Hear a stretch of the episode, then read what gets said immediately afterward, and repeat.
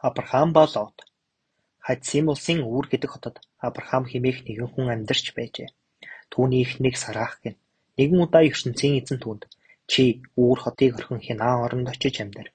Хэрвээ хэлсэн үгийг минь дагвал би чамайг нэгэн авгай хүндэсний үг болгоно гэж хэлв. Абрахам Сарах хоёр үр хүүхэдгүй байжээ. Гэвч тэд ертөнцийн эзэнд итгэдэг учраас хэлсэн бүгдийг нь ёсоор гүйцэтгэв. Ингээд Абрахам дүү Лот тэдний зарц болон мал сүргийг авч Үүр хотоос явлаа. Тэд гэр орон, найз нөхөд бүх насаараа амьдарсан газар ус. Хүн артаа орхиод огт таньж мэдэхгүй харийн орныг зорин зоригтойгоор нүүн одов. Олон жил нүүдэл хийсний эцэст Абрахам хинаан оронд ирлээ. Тэд Хеврүүний ойролцоох Мамрей гихч газар майхнаа босгоод түүнээс хойш олон жил ад шаргалтай сайхан амьдарч байлаа.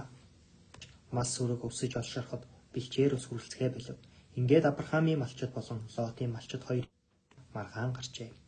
Абрахам Лот хоёр хилцэж салж нүхээр шийдлээ. Абрахам Лотыг амьдрах газараа өөрөө сонгож ав гэжээ. Лот уулнаас бууж Сидон хотын наанд Йордан голын сайхан ногоон бэлчээр тийш нүүх болов.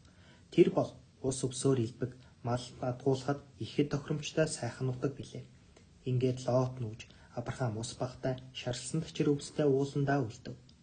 Сайхан газар мэт харагдаж байсан тэнд очиод Лот буруу сонголт хийснээ мэджээ. Сидон хотынхан омог бардам дээрлэхүү, залхуу, хэрцгий тун хийцүү хүмүүс байв. Тэд аимшигт явдал үйлчичгээд өчүүхэнд санаа зовж ичиж гимссэн шинжгүй байдаг гэн. ертөнцийн эзэн туйлын шудраг билээ. Тийм учраас бузар явдал ямар нэг гим хийж буй хүмүүсийг хараад нүдэн анаа суудаггүй. Тэгээ Сидом хотынхныг устгахаар шийджээ. Халуун шатсан нэгэн өдрийн үд дунд Абрахам майхныхаас үдэрч сууж байтал харин гурван хүн ирж яваа нь харагдав. Тэрээр тэдний хүүхдэн авч гэртээ оруулж хамт хооллохыг хүрлээ. Сараах зарцтайгаа шин талах барьж туглын мах шараад сүүбэслэгтэй барив. Тэд хооллож дуусаад хэрэг зоргоо иржээ. Тэр үед Абрахам, Сараах хоёр нас сүүдэр өндөр болсон байв. ертөнцийн эзэн тэдэнд тун сайхан зүйл бэлтжээ. Удахгүй тэд хүүтэй болно.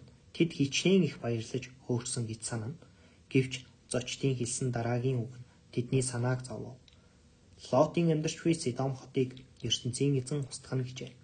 Зөвхөн Лот болон түүний гэр бүлийнх нь л Сидом хотын сайн хүмүүс байв.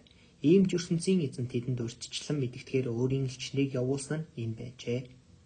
Гэвч Лотын гэр бүлийнхэн Сидом хотоос явахыг хүссэнгүй.